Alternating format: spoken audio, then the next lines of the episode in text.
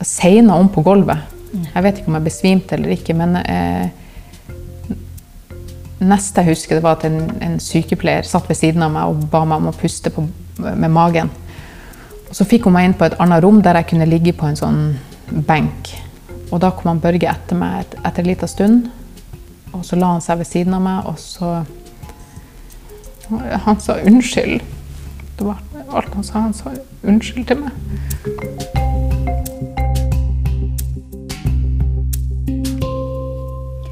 Dette er veldig spennende.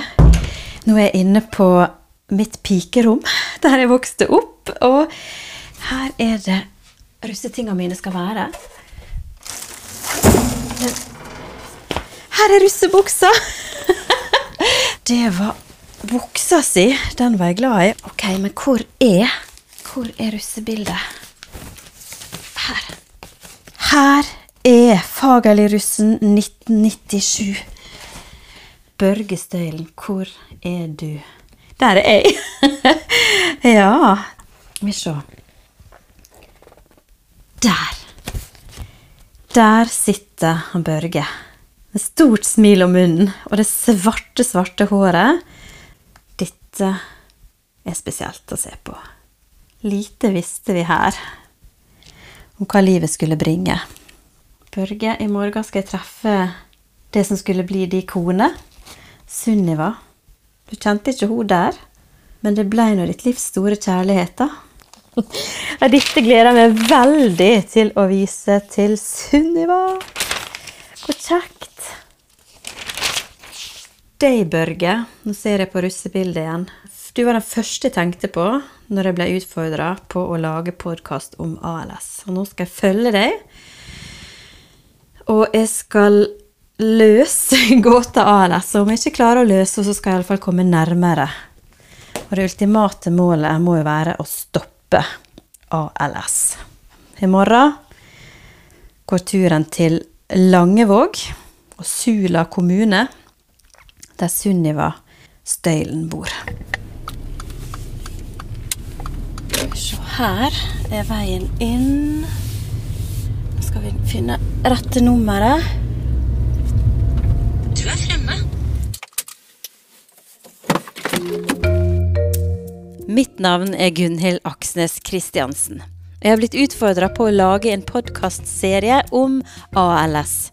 Og det jeg kan fra før om denne sykdommen, er veldig veldig lite. Men jeg vet at den er grusom.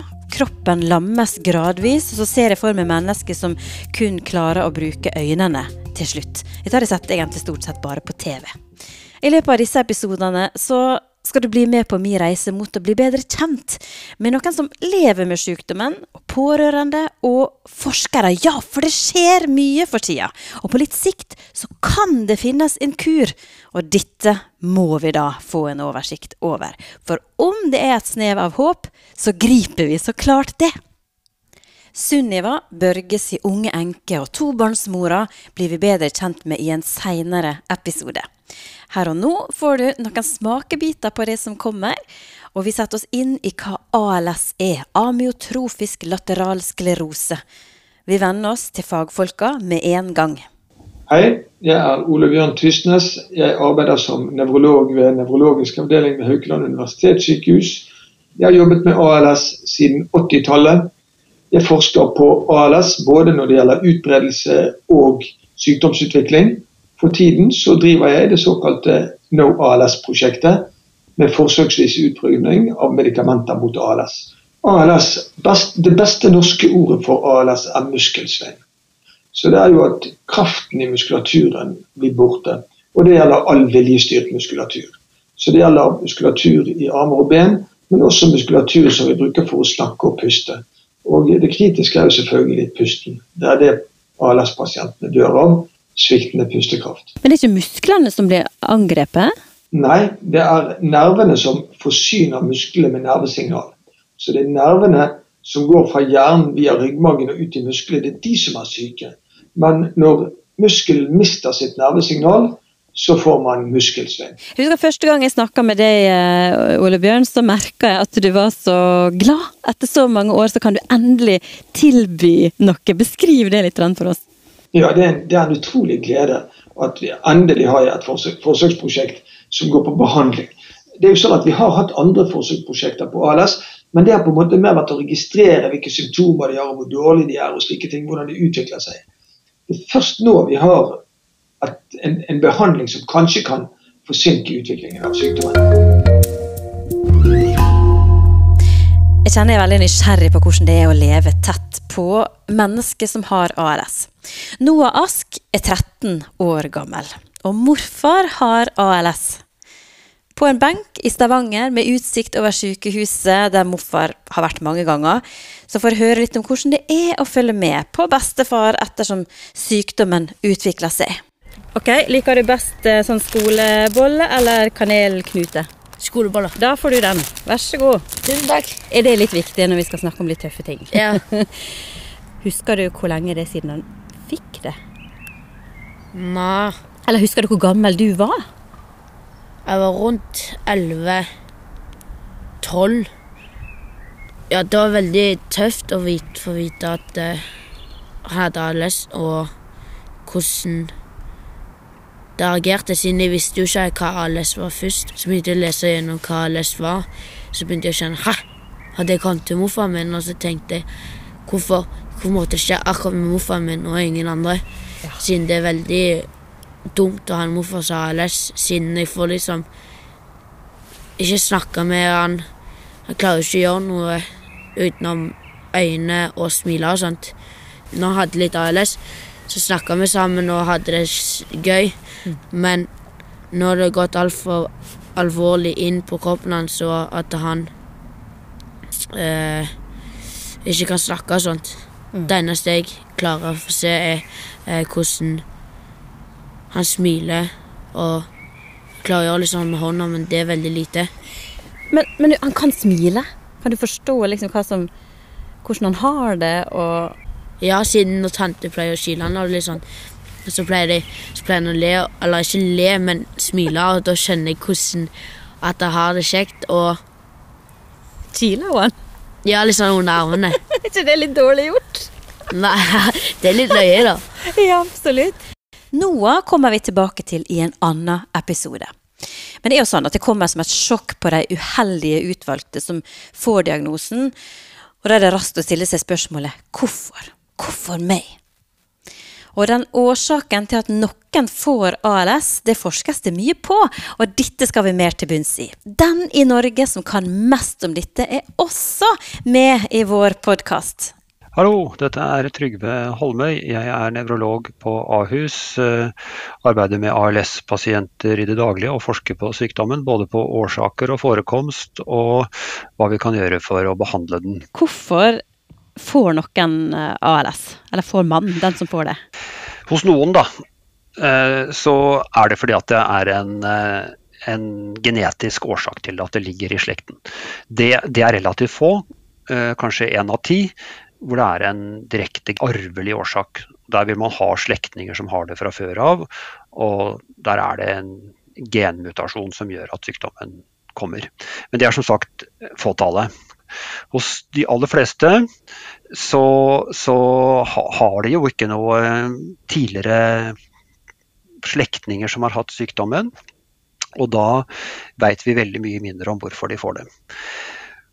Noen av de har nok egentlig også en genetisk årsak til det, men den har på en måte ikke vært eh, erkjent før. Da. Hos alle de andre så vet vi det ikke. Eh, vi veit veldig lite om det er noe i miljøet som forårsaker ALS. Vi vet at det å ha vært uh, veldig tynn, det gir en viss risi økt risiko. Men hvorfor det, det vet vi ikke det er en uh, veldig uforutsigelig. Det kommer som lyn fra klar himmel hos de aller fleste. Og vi kan ikke forklare hvorfor den enkelte får det. Det er noe som vi prøver så godt vi kan å finne ut av. fordi vi tenker at finner vi, finner vi hvorfor noen får det, så er vi også mye nærmere å kunne gi en effektiv behandling hvis vi kjenner årsaken. Men vi er ikke der ennå. Men har du flere sånne konkrete enn det å være tynn? Er det flere sånne ting dere vurderer og lurer på? Sånn? Ja, vi lurer jo på ting som er knyttet knytta opp til det å være tynn eller tykk. Da. Altså type kosthold, fettstoffer i blodet, fysisk aktivitet, røyking. Røyking har jo mye å si for det om man er tynn eller tykk.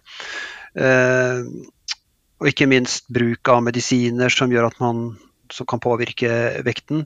Så dette er ting som vi er i ferd med å gjennomføre studier på nå. Og som selvfølgelig også forskere i utlandet forsker på. Da. Men det med vekt, da. For det er nå klart eh, kanskje den eneste gangen det er bra å være overvektig, da?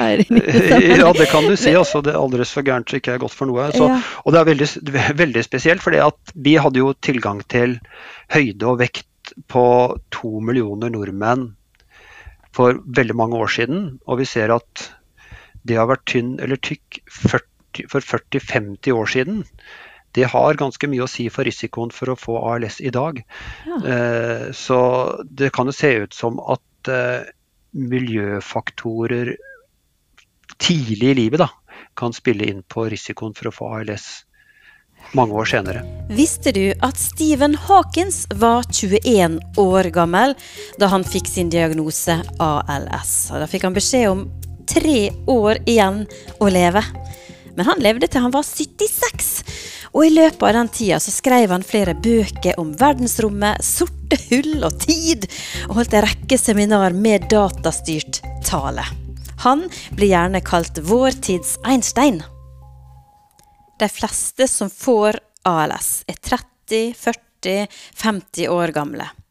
Men her i Norge har vi ei jente på 13 år som har en ALS-sykdom. Norges yngste. Vil si, diagnosen hennes er GAN. Og det er en sjelden genetisk sykdom, men den kalles også barne-ALS. Lykke heter hun, og hun skal du også få møte i en senere episode. Men en liten smakebit på vår skogstur i Stavanger, det skal du få. Jeg kjenner veldig på at det blir stivere i kroppen. Jeg vet jo at nervene svikter. Og fingrene på en måte I fjor sommer så klarte jeg jo å ta ut fingrene når jeg hadde tatt på neglelakk. Det klarer jeg jo ikke nå. Så jeg kjenner veldig på det, og så kjenner jeg på at eh, føttene går mer og mer ja, nærmere, som jeg har sagt, at jeg ikke klarer å springe så mye som jeg gjorde før. Hva føler så, du om de tingene? Jeg føler at det er dumt. Jeg er, jeg er veldig ofte lei meg. Jeg er lei meg for det. Det som er la merke til med en gang jeg så det, det er det fantastiske krøllete håret ditt. Tusen takk. Det er helt spesielt. Bitte små, søte korketrekkere. Og ja. mamma, mammaen din sa jo til meg at eh, når du ble født, så skjønte jeg egentlig ikke hvor det kom ifra.